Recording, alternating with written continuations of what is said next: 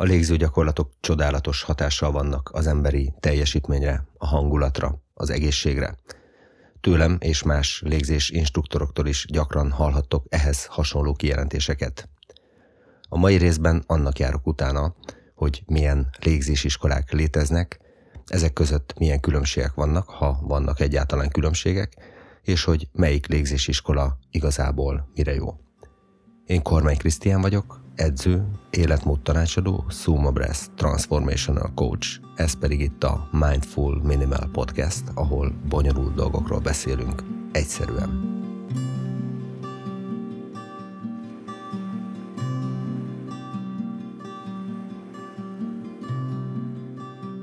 Az egyik kedvenc témám a légzés, és ti, akik ismertek engem, jó néhányan közelről is, nagyon jól tudjátok, hogy ez az a téma, ahol tulajdonképpen végtelen hosszúságig tudnék regelni a miértekről, az okokról és a történetekről. Itt most ebben a mai részben nem vállalkozom arra, hogy a légzés teljes spektrumáról beszéljek nektek, ezt meghagynám egy kicsit a későbbi részeknek az eszenciájaként.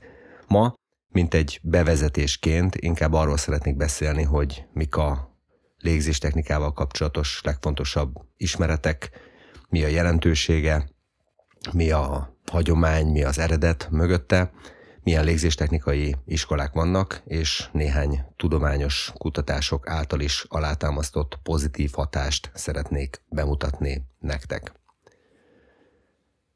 Légzéstechnika nem a mai kor, nem a modern kornak a találmánya.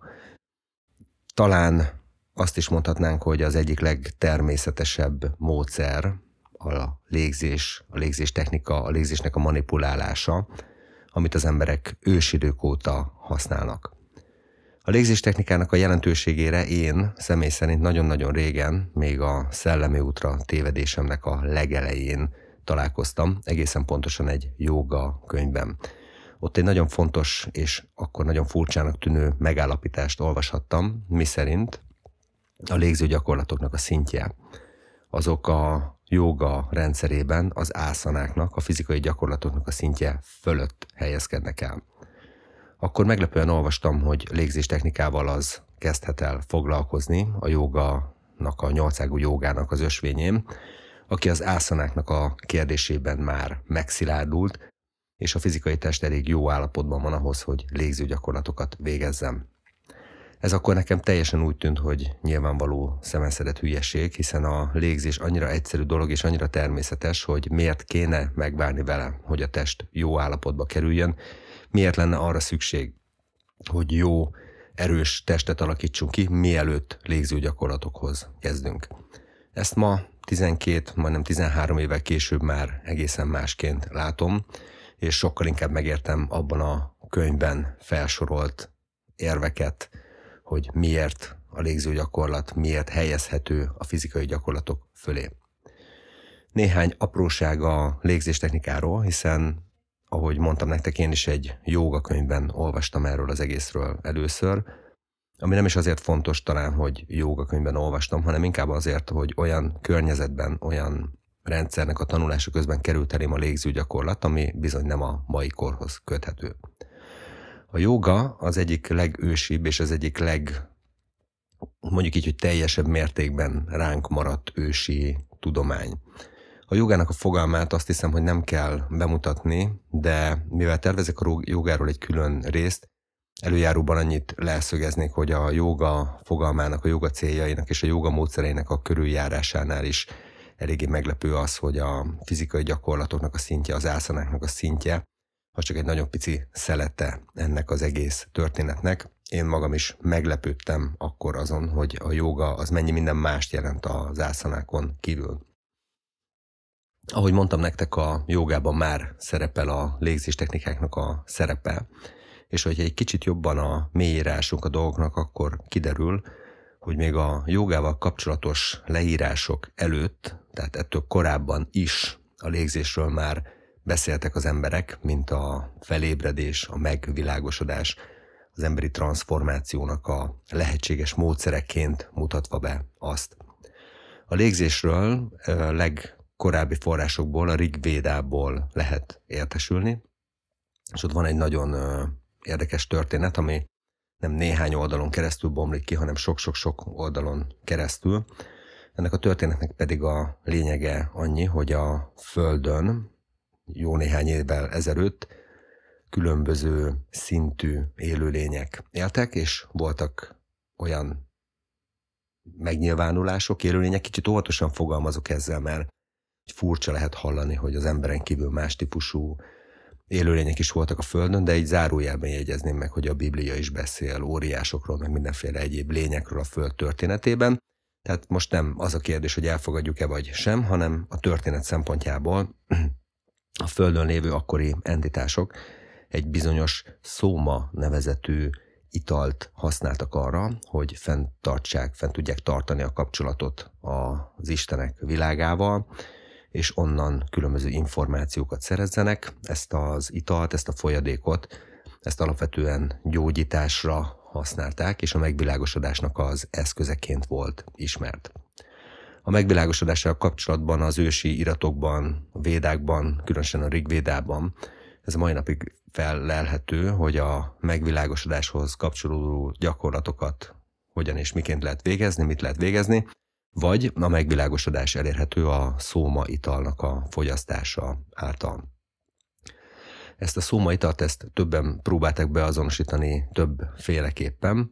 Ma leginkább ahhoz lehetne kapcsolni, ami a dél-amerikai dzsungelekben maradt fenn a törzsi hagyományokban, ami az ottani törzsi sámánikus szertartásokhoz kapcsolódik. Talán az ayahuasca nevezetű itallal lehetne hasonlítani, vagy ahhoz lehetne kapcsolni, ami több növényből készül, és ugye az érdekessége, hogy külön-külön ezek a növények még csak nem is pszichoaktívak, egyikük sem, azonban ha egy bizonyos összetételű főzetet készítenek belőle, hát akkor nagyon furcsa és érdekes utazásokat lehet tenni. A különböző beszámolók egészen elképesztő jelenségekről, találkozásokról, csodálatos gyógyulásokról írnak, a mai napig vannak olyan orvosok például, a már a modern tudományban, akik ezeket az ősi módszereket használják a gyógyításhoz, például Máté Gábornak a kurzusai Dél-Amerikában, azok kivétel nélkül ezek közé, vagy ezek köré, a ceremóniák köré épülnek. A Rigvédában arról is szó van, hogy ez a szóma egy idő után szűkös erőforrás lett a Földön, persze nem ezeket a használ, szavakat használták, de ez a lényege és a risik, ami bölcset jelent szanszkritül, azon kezdtek el dolgozni, hogy hogyan tudják ezt a szómát belülről mindenkiféle külső erőforrás nélkül létrehozni saját magukban, és a megoldás a légzés technika volt, ami a pránajámákban, amit a joga is mint, mint módszert átvett és alkalmazott a védákból, és beépítette a saját elképzeléseibe. Tulajdonképpen ezt a vonalat, vonalat követik. Tehát a Rigvédában szó van arról, hogy a szóma, mint légzés technika jelent meg egy idő után, és alapvetően arra való, hogy ezt a belső kapcsolatot, ami a mindenséggel, a tökéletes intelligenciával való kapcsolatot jelenti, ezek a risik létrehozzák. Ezek a technikák egyébként elég világosan ránk maradtak, és azt is érdemes tudni róla, hogy ugyan ránk maradtak, de nagyon kevés helyen tudják ezeket ma már hitelesen átadni. Legtöbbször a joga iskolákban, a joga órákon a pránajámaként ismert légzőgyakorlatokat is nagyon nagy többséggel helytelenül oktatják, inkább csak egyfajta mechanikai bűvészkedésnek fogható fel, amit légzőgyakorlatokként csinálnak, de azért található egy-két olyan módszer, egy-két olyan légzésoktató, aki ezeknek a gyakorlatoknak az ősi lényegiségét meg tudja fogni.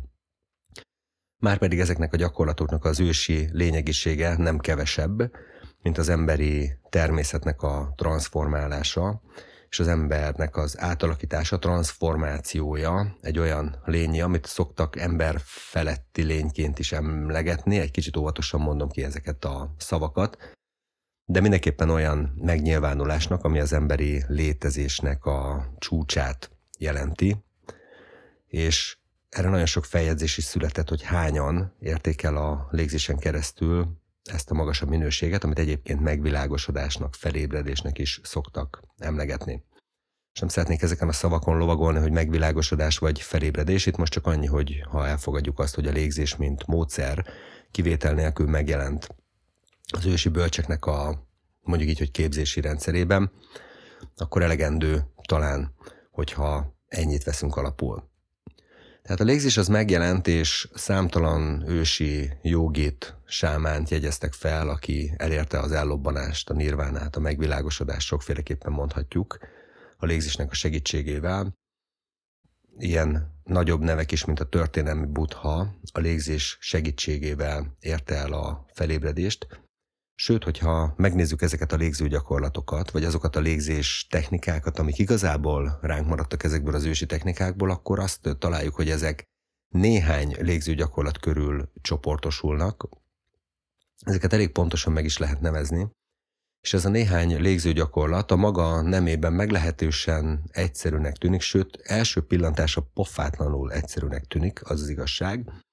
De ha jobban mélyére ásunk a dolgoknak, illetve ha elkezdünk gyakorolni, akkor hamar kiderül, hogy a látszólagos egyszerűség, vagy a, a technikailag elmagyarázható egyszerűség ellenére azért nem olyan egyszerűek a gyakorlatok, és hogy igenis elég sok gyakorlásra van szükség ahhoz, hogy ezeket a légzéstechnikákat tökéletesítsük. A magam részéről azt gondolom, hogy a légzéstechnikáknak, főleg az olyan teljes test légzéstechnikáknak, mint a tantra légzésnek a finomítása, és az elsajátítása az valószínű, hogy egy életen keresztül is tarthat, azzal együtt, hogy a pozitív eredményei már rögtön az első gyakorlat után is jelentkezhetnek ezeknek a technikáknak. Egy szóval a légzés, mint transformatív technika nagyon-nagyon-nagyon régóta benne van az emberi tudatban, és jó néhány dologban megegyeztek, hogy hogyan írják le a levegőnek az útját az emberi szervezetben, ezek az ősi technikák, azokról egy későbbi podcastben szeretnék beszélni, mert szerintem nagyon-nagyon érdekes, és hogyha magatokba néztek, és az edzések végén lévő légzőgyakorlatok során figyelembe veszitek ezeket a szempontokat, akkor nagyon hamar tapasztalhatjátok, hogy ezek a leírások lehet, hogy nem is állnak olyan nagyon messze a valóságtól, de legalábbis a belső élmények kísértetésen emlékeztetnek azokra a leírásokra, amit ezekben a joga, és egyéb leírásokban, védikus leírásokban találhattok. A légzés technika, sokan mondják, hogy a 21. század jogája lesz, ezt egyre több helyről hallom, többek között abból a légzés iskolából is, ahol, ahol én tanultam, meg még a mai napig tanulok is. Konkrétan arról van szó, hogy azt vetíti előre több légzésiskola alapító, hogy a légzés és a légzés technika az a 21. századnak a jogája lesz, mondhatni így. Ezt tudni kell, hogy a joga a 70-es években egy óriási robbanást ért el a nyugaton. Ez volt az az időszak, amikor Indiából néhány rishi jogi kihozta a technikát a nyugat számára, és a nyugaton ez nagyon hamar fogadóközönségre talált, főleg ugye a hippi kultúrának a vége felé találkoztak a joga kultúrával, a buddhista kultúrával, a védikus kultúrával a nyugati emberek, és hát ott a pszichedelikus szerek által szerzett tapasztalatok és a joga által kínált lehetőségek, illetve a buddhista és a védikus meditációk által kínált lehetőségek, azok kísérteties módon hasonlítottak arra, amit az ősi, vagyis amit a pszichedelikus szerek által szerzett élmények jelentettek, ezért abban az időszakban nagyon sokan tértek át, mint hogy mondjuk így, hogy kiöregedett hippiként, arra a módszerre, hogy joga technikákat kezdtek el gyakorolni annak érdekében, hogy ezeket a technikákat, ezeket a lehetőségeket minél jobban beépítsék az életükbe. A légzés azonban ekkor még nem volt ennyire fókuszpontban, és itt elsősorban a fizikai ászanák szintje és a tiszta meditáció került be a köztudatba. Azonban a légzéssel történt valami, ugye a 2010-es évek elején, közepén, és onnantól kezdve, még hogy a kezdetben lassú ütemben is, de elkezdett bekerülni a köztudatba a különböző légzésiskoláknak a hatékonysága, és ugye ezzel együtt elkezdődött a nagyon, kezdetben nagyon-nagyon-nagyon lassú elterjedése is. Ma már elég sok légzésiskola létezik, de még mindig nem annyira sok, mint amennyi várható, hogy lesz. Ugye egyesek úgy látják, hogy minden magára valamit adó fitness vagy wellness program vagy klub szinte kötelező, hogy tartson légzés foglalkozásokat, mert enélkül nem nagyon lesznek eladhatók a fitness és a wellness termékek a jövőben, akkor a hatékonysága a gyakorlatoknak. Most nagyjából azt a korszakot éljük, hogy a néhány fő iskola alapító az már nagyon jól látható világszinten, és ezek az alapítók mindegyike egy nagyon kicsit eltérő irányt képvisel, azonban, hogyha jobban a mélyére nézünk a dolgoknak, és az átvett technikákat, amiket ők alkalmaznak, azokat megvizsgáljuk jobban, akkor nagyon hamar kiderül, hogy mindegyik ugyanafelé az ősi pránajáma technika felé mutat, aminek ez az egész tulajdonképpen a gyökerét jelenti. És ez még akkor is így van, hogyha néhány légzésiskolának a vezetője hangsúlyozza, hogy az ő technikájuk mennyire egyedi és mennyire eltérő. Nos, a valóság az, hogy olyan nagyon eltérő dolgot kitalálni nem tudnak, azonban, mint ahogy azt lehet látni, a megvalósítás módjában ott azért jelentős, jelentős különbségek vannak. Na nézzük meg, hogy milyen légzés technikai iskolák vannak, és ők egészen pontosan mivel foglalkoznak, és rögtön kezdeném azzal, ami talán a legismertebb az egész világon, ez pedig a Wim Hof módszer. Wim Hofról, a jégemberről már azt hiszem, hogy beszéltem ilyen korábbi podcastekben, a hideg kapcsán egészen biztosan. Nos, ő az az úriember, akinek egyébként a, az előéletében rengeteg joga gyakorlás volt, ugye ő maga is elmondja, hogy év tizedeken keresztül gyakorolta a jogát, a jogának az ászana szintjét és bizonyos pránajámákat, mantrákat, egyebeket, és hogy a joga vezette tulajdonképpen a Wim Hofot arra, hogy elkezdett egy kicsit jobban foglalkozni a hideggel, és hogyha megnézitek a módszereit, a mai napig nagyon jól látható, hogy ezek bizony különböző jogából átvett mozdulatok, amiket használ, főleg ugye a hidegvizes merüléseket követően, mikor ott az Amsterdami parkban ott jogázik, meg nyújt, hogy ezek a mozdulatok egyértelműen köthetők a jogához.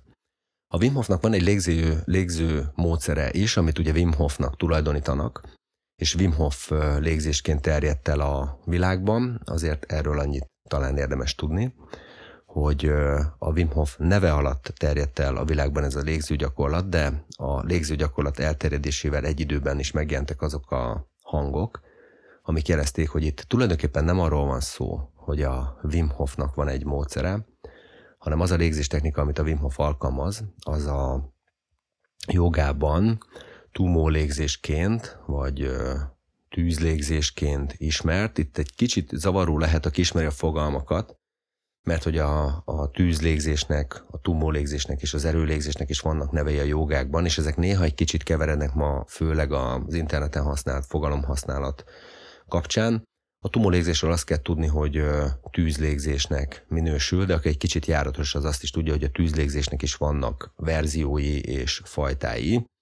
Például aki joga órára jár, és ott tűzlégzést gyakorol, az egészen mást fog érteni a tumó légzés alatt, mint aki mondjuk egy transformatív pranayama iskolában tanult, vagy Wim Hof légzést tanult, és ott gyakorolja a tűzlégzést. Ugyanakkor a mechanika és a működés szempontjából pontosan ugyanarról van szó, és hát ugye nagyon nem véletlen, hogy az ősi technikákban ezeket a, a tumó légzésben is beavatási szintekhez kötöttek, hogy mikor mit adtak át a légzés technikából, és hogy a felszínen voltak olyan technikák, amit gyakorlatilag bárki gyakorolhatott, de a mélyebb technikáknak az alkalmazása az bizony beavatásokhoz volt kötött, és mestertanítvány viszonyhoz volt kötött. Tehát vissza a Wim Hof metódhoz, ők tulajdonképpen azt mondom, hogy ők, mert most már egy egész csapat dolgozik a Wim Hof környékén, tehát az ő légzéstechnikájuk szervesen ahhoz kötődik, ami a hidegvizes merülésekhez, a meditációhoz kapcsolódik. Tulajdonképpen, ha beütitek, hogy Wim Hof légzés az interneten, akkor nagyon hamar találtok egyrészt guidokat, másrészt olyan kis rövid videókat, ahol maga a Wim Hof bontja ki, hogy ez a légzéstechnika ez igazából kicsoda, micsoda, és hogy, hogy hogyan, hogyan működik. Én megnéztem a videóját, az egyik korai magyarázó videóját a Wim Hofnak, ahol magyarázza a légzést, és ott ugye egyértelműen kiderül, hogy az általa ajánlott alaptechnika, az egy egyszerű hiperventiláció, ugye belégzés, kilégzés, szájon keresztül. Most a hangját megmutatom, hogy el tudjátok képzelni.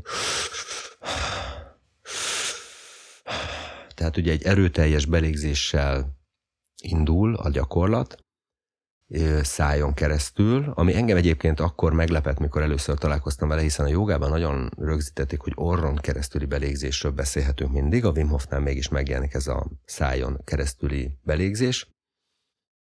És egy 20-30 légzést követően a gyakorló, és Wim Hof is bemutatja, hogy belemennek egy légzésszüneti állapotba, ami 20 másodperctől, fél perctől, másfél, két percig egyes gyakorlók esetében néhány percig, négy-öt percig is eltarthat.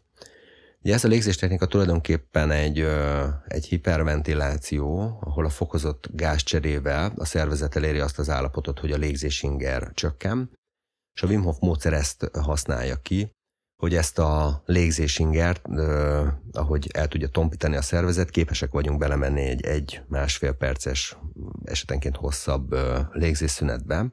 Ugye jellemzően a Wim Hof esetében ezek ilyen egy, egy másfél perces légzésszünetek.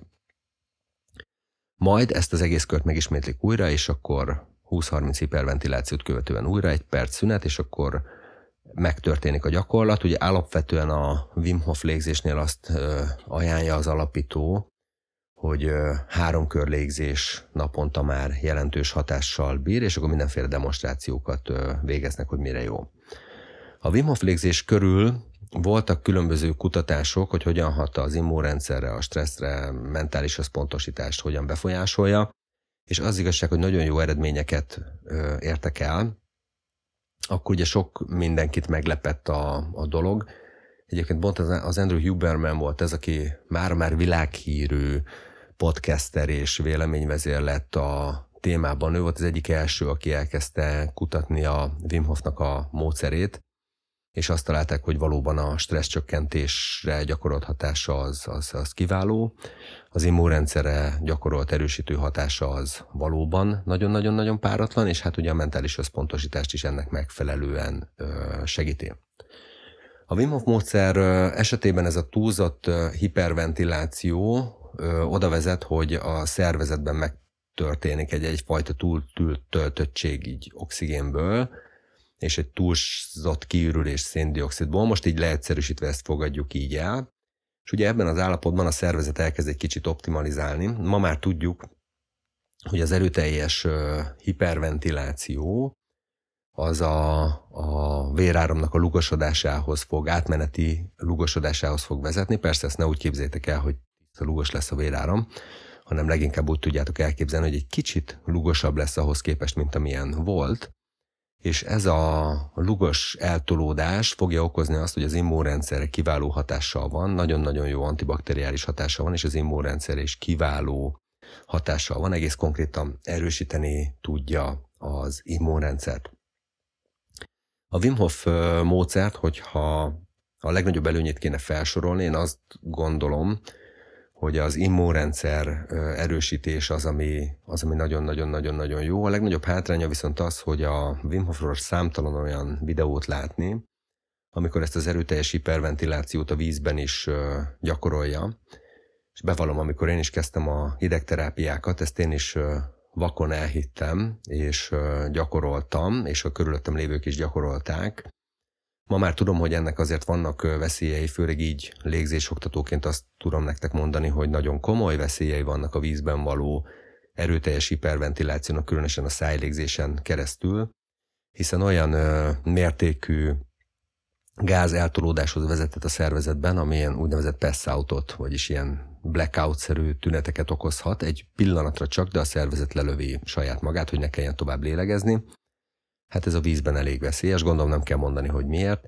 Egyébként pont a Wim Hof módszerrel kapcsolatban ma vannak is problémák a világban. Ugye többen jelezték, hogy halálesetek fordultak elő, és kötelezték is a Wim Hofot, hogy változtasson a, az oldalára kitett információkon, és tüntesse el azokat a videókat, ahol ő hiperventilációval merül víz alá, jég alá, és így tovább.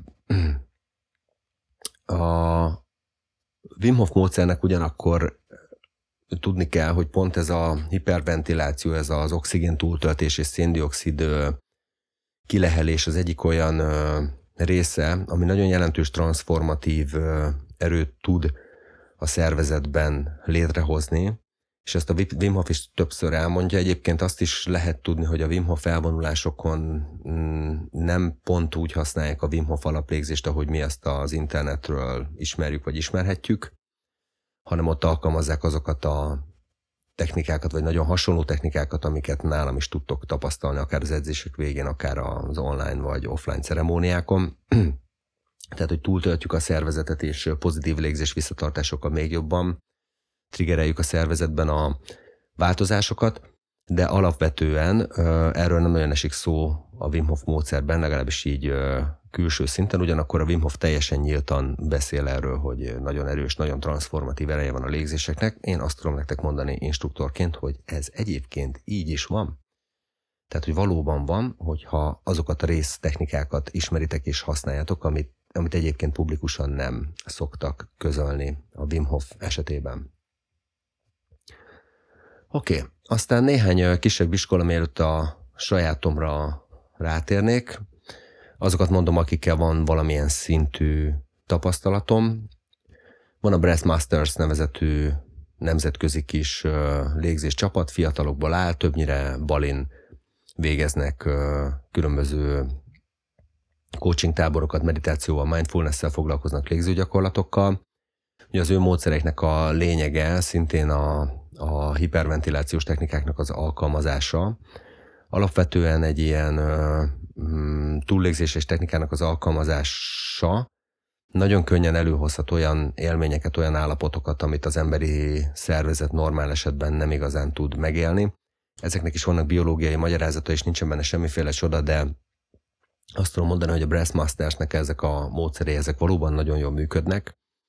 A legnagyobb előnyük az, hogy a módszer az nagyon-nagyon egyszerű, amit alkalmaznak. Tulajdonképpen, ha a Wim Hof módszert ismered, és egy kicsit ismered a légzésnek a titkait, akkor már a Breastmasters módszert is ismered, amit én nagyon hátrányosnak tartok, hogy nagyon-nagyon drága, és nem adnak ö, olyan eszközöket a kezedbe, amik ö, segíthetik a légzésinstruktori karri- karrieredet, Egyébként ez a Wim Hofnál is így van, hogy megtanítják a technikát, de nem igazán tudnak adni olyan eszközöket, guidokat, hanganyagokat, audioanyagokat, amivel te az ügyfeleidet vagy a klienseidet tudnád egy picit mozgatni. Ez a Breastmastersnél is így van, viszont ők adnak egy üzleti modellt arra vonatkozóan, hogy hogyan tudsz coachingot csinálni a világon bárkinek. Tehát ugye a Breastmasters az egy nem titkoltan üzleti vállalkozás, aminek az a lényeg, hogyha beállsz a csapatba, akkor te is hát jól is kereszthetsz, meg egyébként szép helyeken dolgozhatsz, mert nagyon szép helyeken vannak nekik elvonulásaik. Aztán van még egy uh, légzésiskola, a Transformational Brass, ami egy, egy uh, hölgyhöz kötődik. Itt szintén a túllégzéses, uh, um, újjászülető légzéses technikáknak az alkalmazása a fő irányvonal. Ők kimondottan egyébként a stressz és traumaadással, érzelmi gyógyulással foglalkoznak a belső erőnek a felébresztésével, és itt is ugye megjelenik ez az erőteljes hiperventiláció. Ezeknek az a lényege, hogy hosszú időn keresztül erőteljes lélegzeteket, lélegzetvételeket csinálnak szünet nélkül, és ugye ezt fog oda elvezetni, hogy a szervezet végül bekerül egy olyan pszichedelikus állapotba, ahol olyan élményeket él át, olyan meglátásai lehetnek, amik segíthetnek abban, hogy különböző traumákat fel tudjanak oldani a szervezetben, segítheti valóban az érzelmi gyógyulást.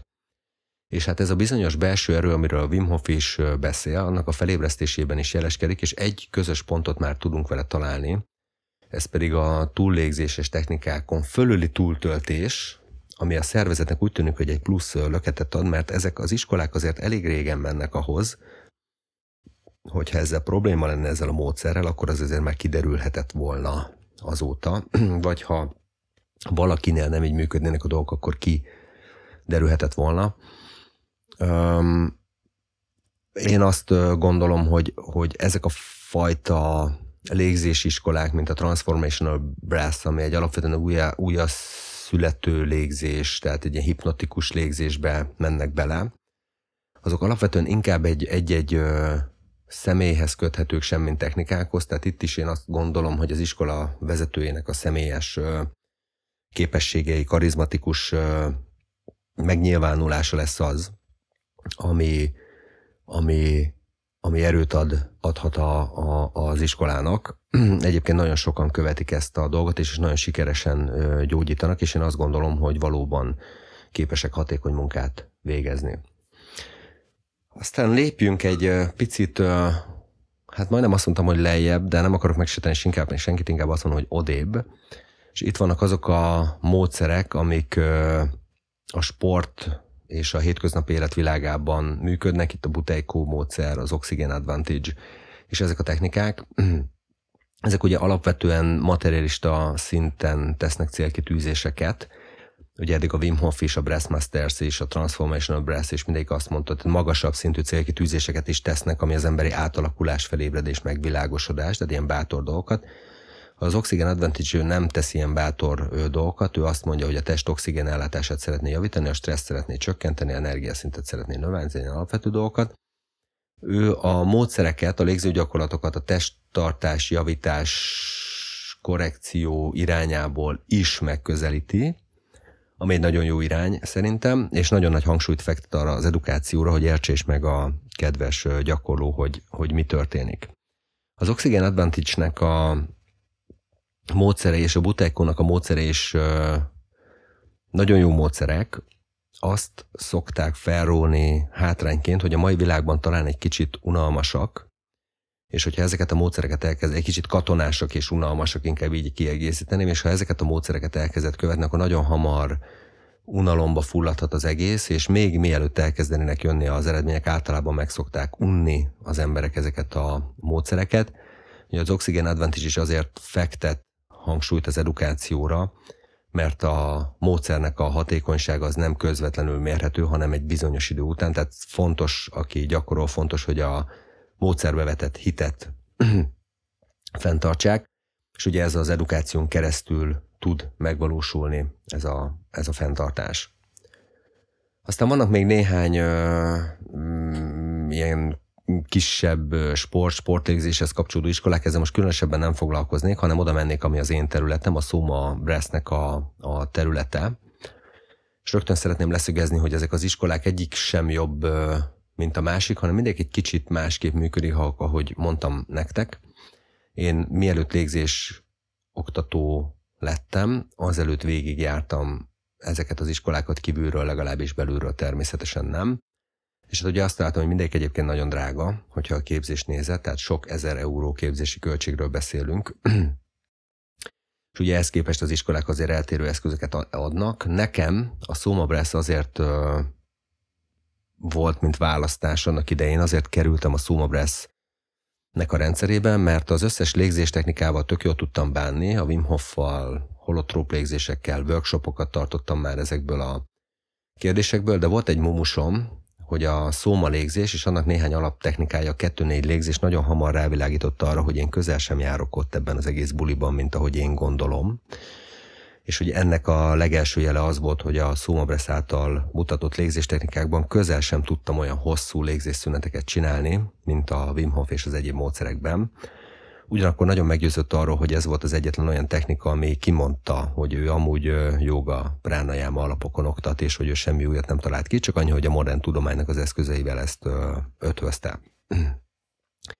Tehát a Soma nem csak arról van szó, hogy a légzéssel valamilyen harmóniát, vagy nem tudom mit érjünk el, hanem megjelenik a stressz és trauma oldás, ugyanúgy, mint a holotróp légzéseknél, megjelenik az érzelmi ö, gyógyulás, ami szintén a traumaoldásnak egy, egyfajta következménye. Megjelenik a tudatosság és az intelligenciának a növelése és a növekedése a módszere kapcsán, ami egy nagyon bátor kijelentés, most így kívülről megnézve. És ö, megjelenik a testi egészség is, ugyanis a Somobresznek a módszerei azok a tudományos alapokon nyugszanak, ami azt jelenti, hogy ezek a módszerek, én nem hiszem, hogy mások egyébként, mint egy más iskolában. Itt a különbség annyi, hogy itt ki is van mondva, hogy a tudomány ezeket támogatja, viszont ami nagyon fontos, hogy azok a módszerek, amiket viszont tudományos kutatásra nem lehet alátámasztani, azokat a módszereket a Soma Brass az nem, nem, nem, nem tartalmazza. Tehát itt nekünk az eszköztárban igazából a keleti légzőgyakorlatok, egészen pontosan a pránajámák, és a nyugati ö, tudományos ismereteknek a kombinációja van, és ami nagyon közel áll a szívemhez, hogy a Soma Brass jelenleg az egyetlen olyan iskola, ahol a zene kulcsfontossággal jelenik meg a légzőgyakorlatokban, és ez ö, a kulcsfontosságú zene, ráadásul nem is akármilyen zene, ti, akik jártok edzése és edzések végén, vagy a reggeli edzéseknek a végén, vagy az esti edzéseknek a végén gyakorlatokat végzünk, ott tapasztalhatjátok, hogy ezek a zenék, ezek nem azok a zenék, amiket általában hétköznap az ember a rádióban, vagy itt ott hallgat, Sőt, azt is észrevettétek, hogy ezek a zenék általában nem tölthetők le az internetről, meg a YouTube-ról, meg innen-onnan össze-vissza, hanem egy nagyon jól összerakott rendszerben, egy viszonylag zárt rendszerben vannak és léteznek.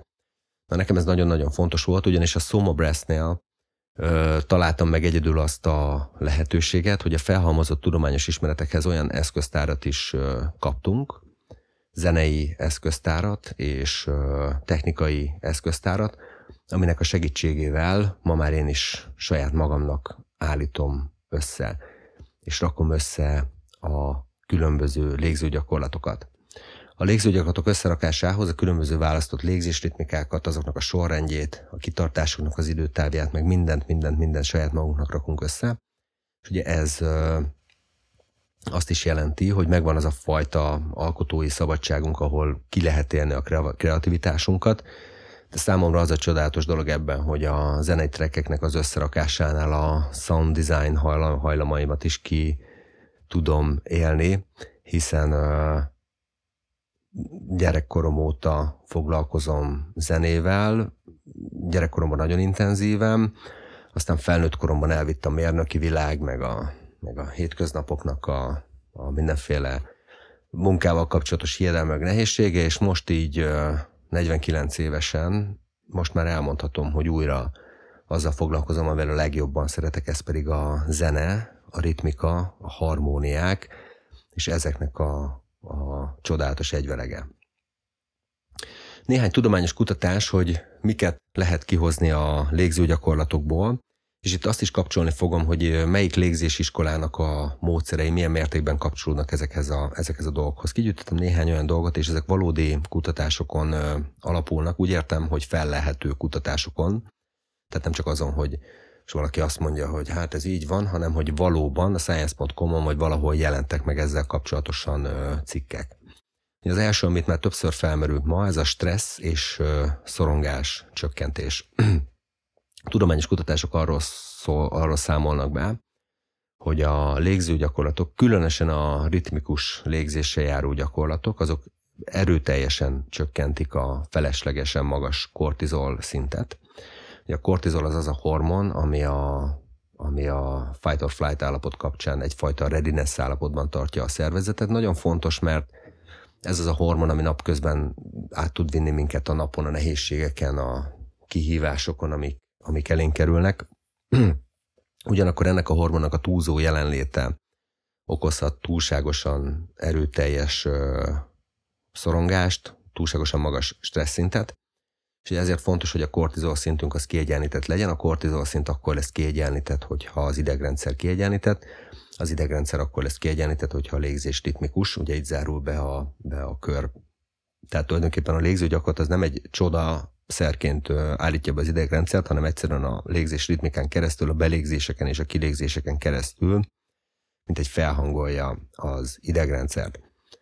Ugye az is ugyanebben a kutatásban szerepel, hogy a légzőgyakorlatok, különösen a ritmikus légzőgyakorlatok segítik a relaxációt és az érzelmi jólétet, ami ugye nem csoda annak függvényében, hogyha kimutatták, hogy a kortizol szintet stabilizálja, tehát beállítja arra az értékre, ami hasznos, akkor az azt is jelenti, hogy a relaxációt és az érzelmi jólétet is segítik ezek a gyakorlatok. Aztán vérnyomás, szív, érrendszer, ezeknek az egészsége. Azt találták, hogy a légző gyakorlatok jelentősen javítják a szívnek az egészségét, és serkentik a paraszimpatikus idegrendszernek a működését, aminek azért vannak feltételei, hogy a szív egészségének a működését szintén a légzésritmikán keresztül érik el a légző gyakorlatok. Ez most így nagyon egyszerűen és így konyha nyelven fogalmazva. A belégzések mindig pulzusszám emelkedéshez, a kilégzések pedig csökkenéshez vezetnek. Hogyha a légzés ritmikában történik, akkor a be- és a kilégzések közötti időtávolságoknak a varianciája az elég magas lesz, ez a szívfrekvencia variabilitás. A szívfrekvencia vari- variabilitás pedig az a mutató, amiből egy bizonyos határok között, de a lehető legideálisabb, magas értéket szeretnéd, ugyanis ez az a mutató, ami leírja, hogy mennyi időd van még hátra, mielőtt meghalsz, bármiben. Ugye a HRV azért nagyon érdekes számomra, mert nem csak a, a klasszikus értelemben vett betegségeknek a valószínűségét írja le, mint biológiai mutató, hanem az olyan látszólag tőlünk független eseményeknek is a valószínűségét, mint a balesetek, ütközések, törések, és így tovább. Tehát, hogy mindenképpen szeretnéd, ugye ennek a a módja megint a ritmikus légzés, és hát a paraszimpatikus idegrendszernek pedig a feltétele a mély hasi légzésnek a serkentése.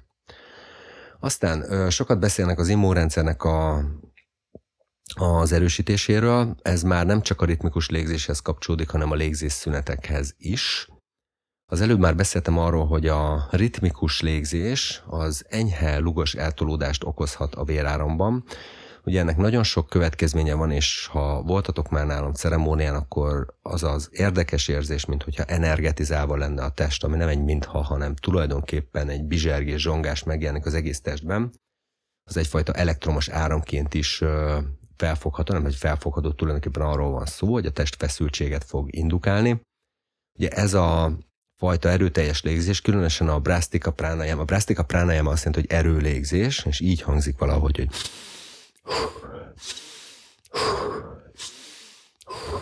tehát nagyon erőteljes belégzés orron keresztül, és rövid gravitáció vezér, vezérett kilégzés a szájon keresztül. Ez a brasztika pranayama, ugye ez lesz az a gyakorlat, ami az immunrendszernek a működését nagyon pozitívan fogja befolyásolni, növelni fogja a szervezetnek az ellenálló képességét már a pránajáma iskolákban is úgy találjátok meg, már a Youtube-on is, már az alacsony minőségű videókban is, mármint információ szempontjából, alacsony minőségű videók szempontjából is, hogy ez az, a légzés, amitől soha többé nem leszel beteg. Ne, soha többé az nyilván túlzás, mert hogy a vírusok meg egyebek jelenlétét egyetlen ember sem kerülheti el. Én inkább úgy fogalmaznék, hogy sokkal hatékonyabban fog reagálni az immunrendszer, és hogyha szerencsés vagy, akkor annyira hatékonyan reagál az immunrendszeret, hogy nem nagyon találkozol valóban betegségekkel, tehát úgy fog átlépni a, a szervezet a betegségen, hogy vagy nem veszed észre, vagy minimális tüneteket fog okozni. Ugye ehhez, az immunrendszer működéséhez már hozzájárulnak a kumbakák is. A kumbaka az a légzésszüneteket, a légzés visszatartásokat jelenti. Ezeknek a szakaszoknak a megléte a létező gyakorlatokban szükséges, mert a hiperventilációs szakaszokat mindig egy optimalizációs szakasznak kell követni, ezek a, a légzésszünetek. Az ősíratokban úgy írták le, hogy ezek a, az időszakok azok, amikor van lehetősége a testben megnyílni a központi csatornának, és a pránáknak, az életenergiának belépni a központi csatornába, Ugye elég érdekes tapasztalatokat lehet szerezni légzés ceremónián, hogy ez valóban így történik, legalábbis a testben követhető érzések szempontjából ö, nagyon úgy tűnik, hogy, hogy, hogy így, ö, mintha így, így történne, hogy eztán kinek, hogy ezt nyilván ti is el tudjátok dönteni. De tény, hogy a légzésszünetek azok ö, nagyon sok pozitív hatással járnak, többek között a szervezet ekkor kezd el igazán optimalizálni, és az immunrendszer működése szempontjából ilyenkor a gyulladás csökkentés lép előtérbe, és a gyulladások csökkentésén keresztül történik meg a szervezet ellenálló képességének a növekedése.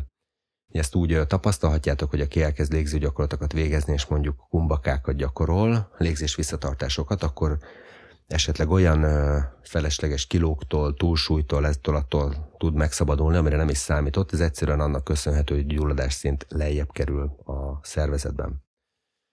Aztán a légző gyakorlatok javítják a mentális teljesítményt és a koncentrációs képességeket. Tudományos tény, hogy a kognitív funkciók javulnak a légző gyakorlatoknak a hatására, tehát nem csak javulhatnak, javulnak, persze ennek feltétele, hogy rendszeresen végezzünk gyakorlatokat, illetve segítik az agynak a, az oxigénellátását, vagy javítják az agynak az oxigénellátását. Ezért többféle irányból is megvalósul. Egyrészt onnan, hogy magának a, a vérellátásnak a fokozódása az agy irányába már eleve egy jobb tápanyag-ellátást tesz lehetővé, de a légzésszüneteknek a segítségével ugye a szervezetben el fognak indulni optimalizációs folyamatok, ami azt jelenti, hogy az oxigén mindig ott lesz felhasználva a szervezetben, ahol éppen szükséges. Tehát a légzésszünetek azok úgy tudják javítani az agynak az oxigén ellátását, hogy optimalizációra kényszerítik a szervezetet, és amikor újra normál oxigén szint mellett kezd el dolgozni a szervezet, akkor azok az oxigén molekulák a lehető legideálisabb helyre fognak eljutni a szervezetben. És akkor még egy dolog, az érzelmi szabályozás, önkontroll, akaraterő és a légzés. Ez is szintén tudományos kutatásokhoz köthető, és egy nagyon jól kutatott téma, és Stanislav Grof, mikor a, megalkotta, ugye amikor betiltották a pszichedelikus szerekkel való kísérletezést, akkor ez az orvos, ő alkotta meg az egyik olyan légzéstechnikát, ahol hasonló állapotot tudott elérni a páciensekkel, mint különböző pszichedelikus anyagoknak a hatására. És már ott kiderült, hogy az érzelmek kezelésében óriási segítség tud lenni ez a fajta tapasztalat, és növeli az érzelmi rugalmasságot, vagy rezilienciát, így is lehetne mondani Leginkább ugye azon keresztül, hogy ezek az átélt élmények, ezek nagyon mélyek, sok esetben szélsőségesek lehetnek, sok esetben teljesen irracionális, váratlan képek, érzelmi lenyomatok bukkanhatnak fel. Ezek az állapotok nagyon alkalmasak arra, hogy az irracionális körülmények között keletkezett érzelmi traumákat, lenyomatokat, nyomokat egyáltalán fel tudjuk számolni, és hát ugye az irracionális lenyomatoknak az a tulajdonsága, hogy csak irracionális módszerekkel lehet őket felszámolni. Tehát a megfelelő módon végzett légzőgyakorlatok, a ritmikus légzés és a kumbakák, vagyis a légzés visszatartások jelentős mértékben segítik az érzelmeknek a kezelését, és növelik az érzelmi rezilienciát. Ugye ezek a kutatási eredmények mind oda mutatnak, hogy a légzőgyakorlatokkal valamilyen formában foglalkozni érdemes, és hogyha egy kicsit mélyére akartok ásni a dolognak, akkor azt tudom javasolni, hogy nem, nem, nem érdemes nagyon-nagyon-nagyon belevetni magatokat, hiszen a megoldások azok nagyon-nagyon-nagyon egyszerűek. Ugye a reggelbe bevezetett ritmikus légzőgyakorlatok 4-4 vagy 2-2 ütemű légzések néhány percen keresztül, és az utána végzett negatív légzés visszatartások, vagyis kilégzett állapotban történő ücsörgések már meg fogják hozni azt az eredményt, ami, ami szükséges. Tulajdonképpen az, hogy a szervezet el tudjon kezdeni fejlődni, ahhoz napi 4-5 perc, esetleg 6 perc átmeneti hipoxia már bőven elegendő. Ami miatt érdemes tanulni, és ami miatt érdemes eljönni vagy elvonulásra, vagy edzésre és az edzés végén gyakorlásra, vagy valamelyik ceremóniára, hogy az a technikánk fejlődjön, hogy mennyire lazán tudunk belemenni a ritmikus légzésbe. A ritmikus légzésben mennyire lazán tudunk belemenni a légzésszünetekbe, ott mennyire merjük belengedni magunkat ezekbe az állapotokba, ezekben lehet óriásit előlépni. És hát arra is nagyon büszke vagyok, hogy már néhányotok elkezdett ezzel olyan értelemben önállóan foglalkozni, hogy megkerestetek azzal, hogy figyelj, találtam zenéket, tök jó lenne rátenni számolást, mit, mit gondolsz? Vagy a sauna szeretete ö, oda vezetett, hogy ö, a sauna szeánszokhoz most már saját ö, tracker és saját kísérletekkel álltok hozzá. Ezek mind-mind-mind nagyon fontosak, mert ti is megtapasztalhatjátok azt, hogy igazán azt ö, a tudást birtokolod, amit átadni is képes vagy valójában másoknak. Hozzám talán azért érdemes eljönni órára vagy ceremóniára, hogy ezekben feltöltést vagy, vagy képességet szerezzetek, és hát sokan jeleztétek, hogy szívesen tanulnátok, és jól lenne eszköztár. Ezen is pillanatnyilag még dolgozom, itt az engedélyeztetésnek a folyamatában vagyok abban a kérdésben, hogy hogyan, hogyan tudunk összerakni egy olyan légzésiskolát, amit akár magánemberként, akár akár sportszakemberként tudtok alkalmazni, akár az ügyfél körötökön keresztül is.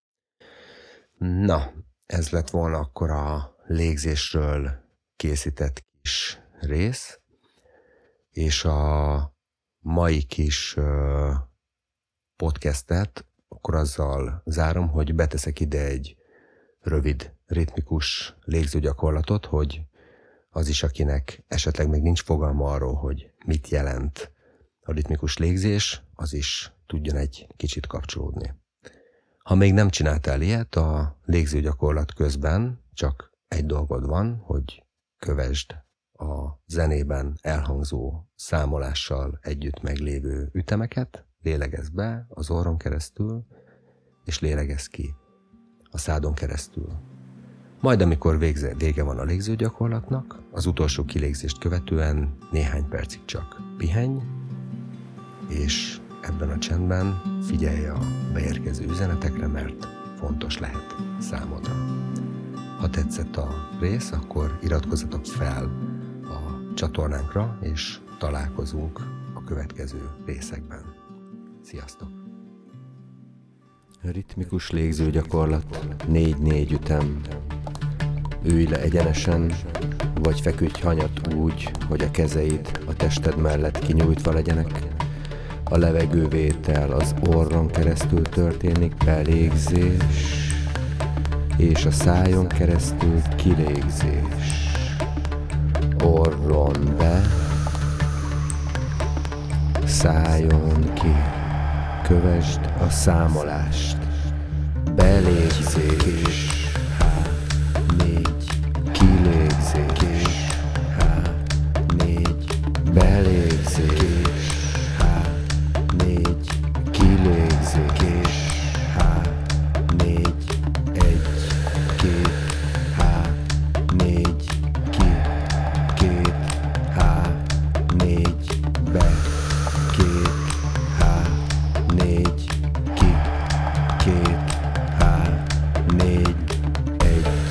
kid.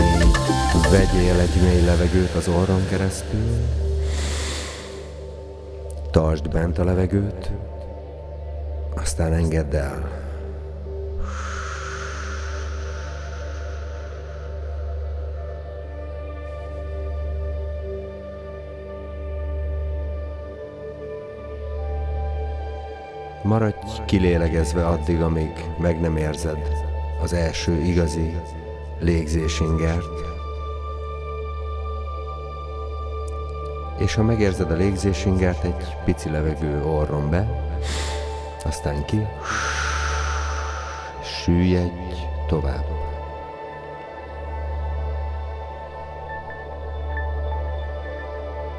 Maradj így még néhány percig, és kicsi, kiszámítható légzésekkel pihenj, és a gyakorlat végén néhány mély légzéssel tér vissza a mindennapi állapotodba.